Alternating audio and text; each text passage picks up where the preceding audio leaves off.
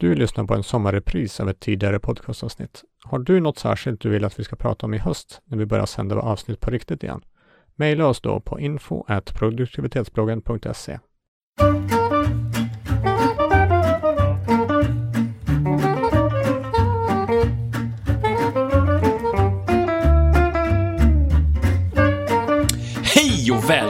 produktivitetsbloggens podcast. Eh, idag ska vi prata om vilka tjänster vi helt enkelt inte kan leva utan. Och med oss idag har vi Daniel. Hallå, hallå. Hej Daniel! Och vi har Kristoffer. Goddag, goddag. Roligt att du är här och jag heter Johannes. Roligt att du är här. Ja men tack, det är roligt att vara här. Ja. Det är fantastiskt. Allt är jätteroligt. Allt är jätteroligt. Eh, och en annan sak som är rolig är alla de tjänster som vi har. Eh, och med tjänster så menar vi i det här fallet digitala tjänster. Eh, som vi använder varje dag. Och man blir ju så beroende av, av, av de man använder. Och har dem i telefonen och i datorn och i paddan och överallt. Eh, så, så vi tänkte dela med oss av några av våra favoriter som vi helt enkelt inte kan leva utan. Det här, Ja. det här löper viss risk att bli ett uppstolpningsavsnitt av, av saker och ting, men så får det väl vara. Ja, Det är väl, precis. det är väl ju- skoj det också. Vi, stolpar är också bröd, tänkte jag säga. Men det är det ju inte. Men ja, stolpar är också bra. Daniel, vill du börja och dela med dig av ett, ditt, en, en tjänst som du inte kan leva utan? Absolut, jag kan bara tillägga att vi kommer att länka till alla de här i, eh, i podcastinlägget på produktivitetsbloggen.se också. Så att om du, om du hör inte någonting som... upp Nej, allting, precis. liksom. Utan du kan lugna och lyssna och sen så kan du titta på, på bloggens hemsida sen så har vi allting där. Och vi har skrivit fördjupande om en hel del av de här Absolut, eh, absolut. tjänsterna också. Så att, Den jag absolut inte skulle kunna klara mig utan är en tjänst som heter LastPass som sparar lösenord. Eh, jag har alla mina lösenord där och den säkerställer att jag kan ha rätt långa komplicerade lösenord. Den autogenererar ehm, lösenord som är 30 plus tecken långa och säkerställer att jag har unika lösenord på varenda tjänst. Så när någon tjänst blir hackad och lösenorden läcker därifrån så är det ingen fara. För jag har inte samma på, på alla. Eh, och utan den så skulle jag vara rökt, för jag skulle inte komma ihåg ett enda lösenord överhuvudtaget. För det är bara en textmassa på alla. Funkar till alla plattformar, eh, kostar gratis i, i eh, ursprungsläget. Eh, köper man premium så tror jag det är någon stil med 12 dollar per år. Det är fånigt lite. Den skulle, så om, om man, om man eh, rycker LastPass från dig så eh, står du helt naken. Ja, precis. Kristoffer, har du något tips på en tjänst som du absolut inte kan leva utan? Ja, först kan jag bara säga Lostpass använder jag också. Det är ett helt fantastiskt verktyg. Det finns lite alternativ till det. Det finns till exempel One Password till, till Mac om man, om man är Mac-människa. Eh, Men eh, nej, det första verktyget som jag verkligen, eller tjänst jag inte kan klara mig utan, det är Omnifocus. Oh, det. Det, det är underbart. Och vad är det? Det är ett, ja det är ett, ett, ett, eftersom jag pratar mycket om GTD, eftersom det är den värld jag kommer ifrån där, så handlar det mycket om att ha koll på på eh, man ska landningsbanan. Ja. och eh, de projekt som jag har i mitt liv. Det är en att som göra rullar. lista app. Typ. Ja, exakt. Det är en listhanterare helt enkelt. Om vi, om vi förenklar saker. Och sen så vill jag nämna lite här också. Alltså, det är ju kalendern också. Och den är ju också. Kalendern och Omnifocus kommer på samma nivå för mig. Ja. Det är det som bestämmer vad du ska göra. Ja, det bestämmer allt i mitt bestämmer liv. allt, ja, precis. Så om man hackar sig, om man, om man tar eh, eh, Daniels LastPass och ditt Omnifokus och ni är helt vilsna, vilsna båda två. Ja. Det är sättet att fälla krokben på er. Och Omnifokus är till Mac enbart väl? ja, det är det. OS X Tyvärr. och iOS. Exakt. Eh, Men men, ja, iOS, iOS och OS X. Tyvärr. Jag använder också Omnifokus och är helt... Jag kan, jag kan inte byta. Jag har försökt att byta för att jag sitter på Windows på jobbet, men det går inte. För att det är så, liksom, ja, så intuitivt på något vis. Hjärnan bara rinner över i Omnifokus och det är jätte... På ett positivt sätt På ett jag. positivt sätt, precis.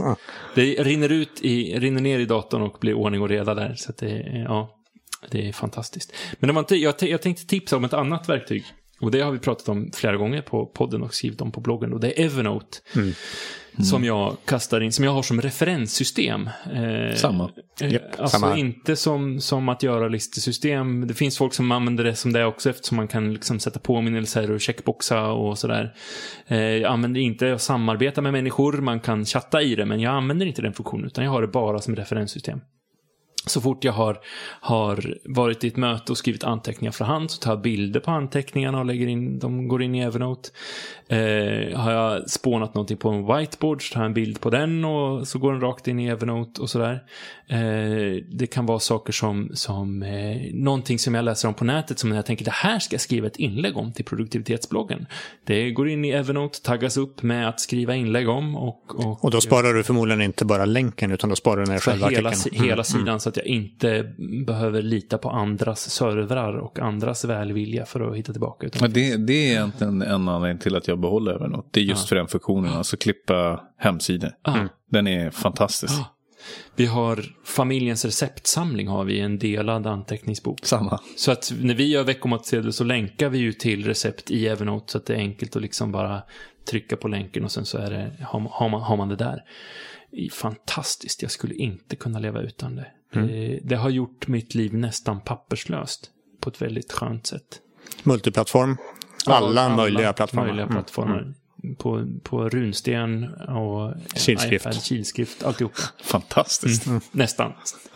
Med san, sanning med modifikation.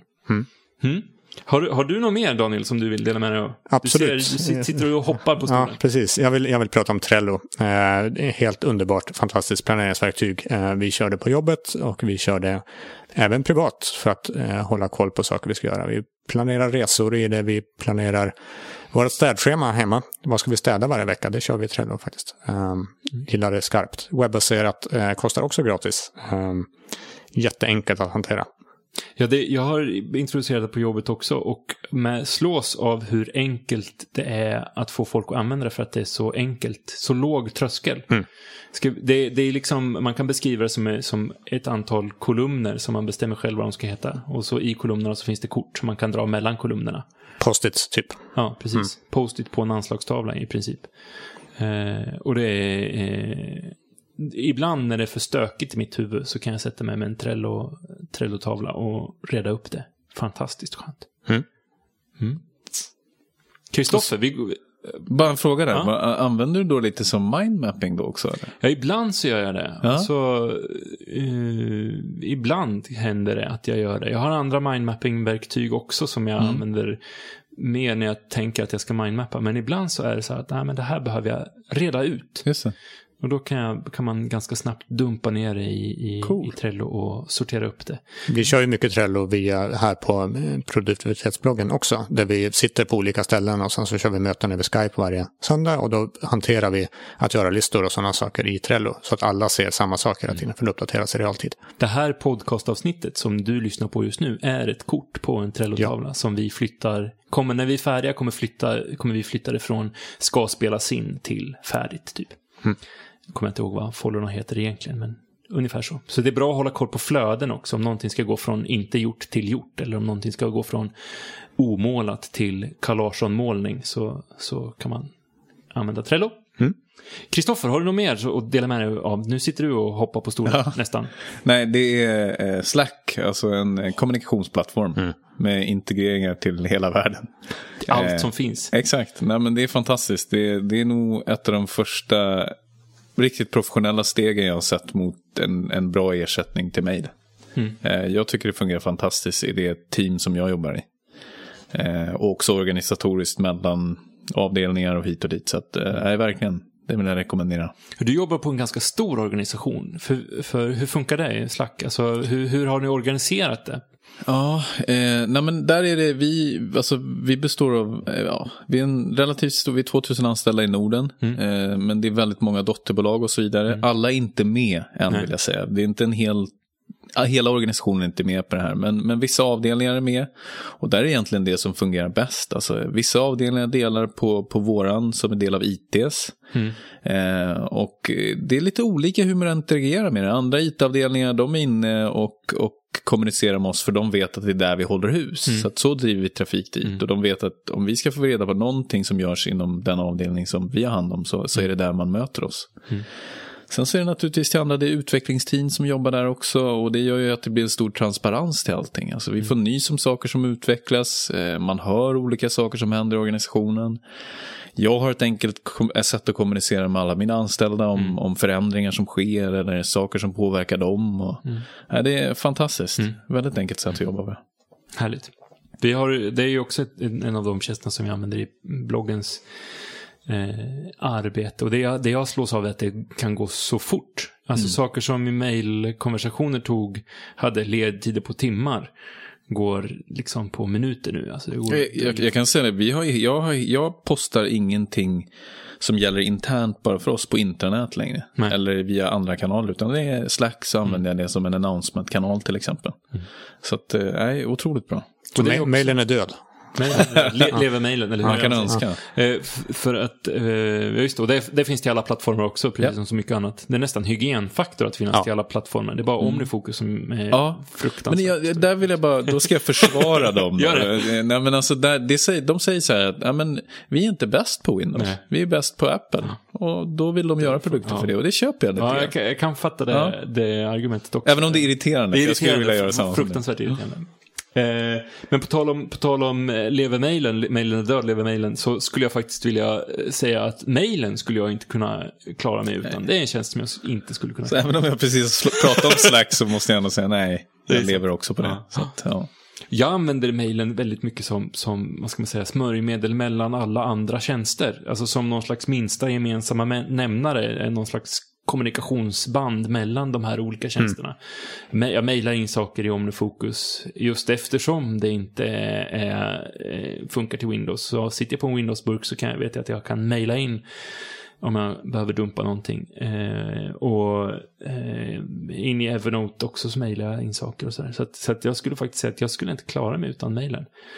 För på mitt jobb så är det det gängse kommunikationssättet också. Hur, hur med alla nackdelar och fördelar det har. Att det, det, men eh, det skulle vara skönt att liksom komma ifrån det också, för det finns lite för många nackdelar. Men fördelen som finns är ju att alla använder det. Ja, det, det finns en fördel att du kan kontakta i princip vem som helst. Och Ja, det, det, sen var det går in, i vilket verktyg det går in, eller om det landar i en Trello-tavla, eller om det landar i en Slack-kanal, eller var det landar, det är ju shit i sen. Men, mm. Jag har ju till och med så här så att jag har, det, har, har berättat för vissa personer vilken e-postadress man kan mejla rakt in i min in, inkorg i Omnifocus.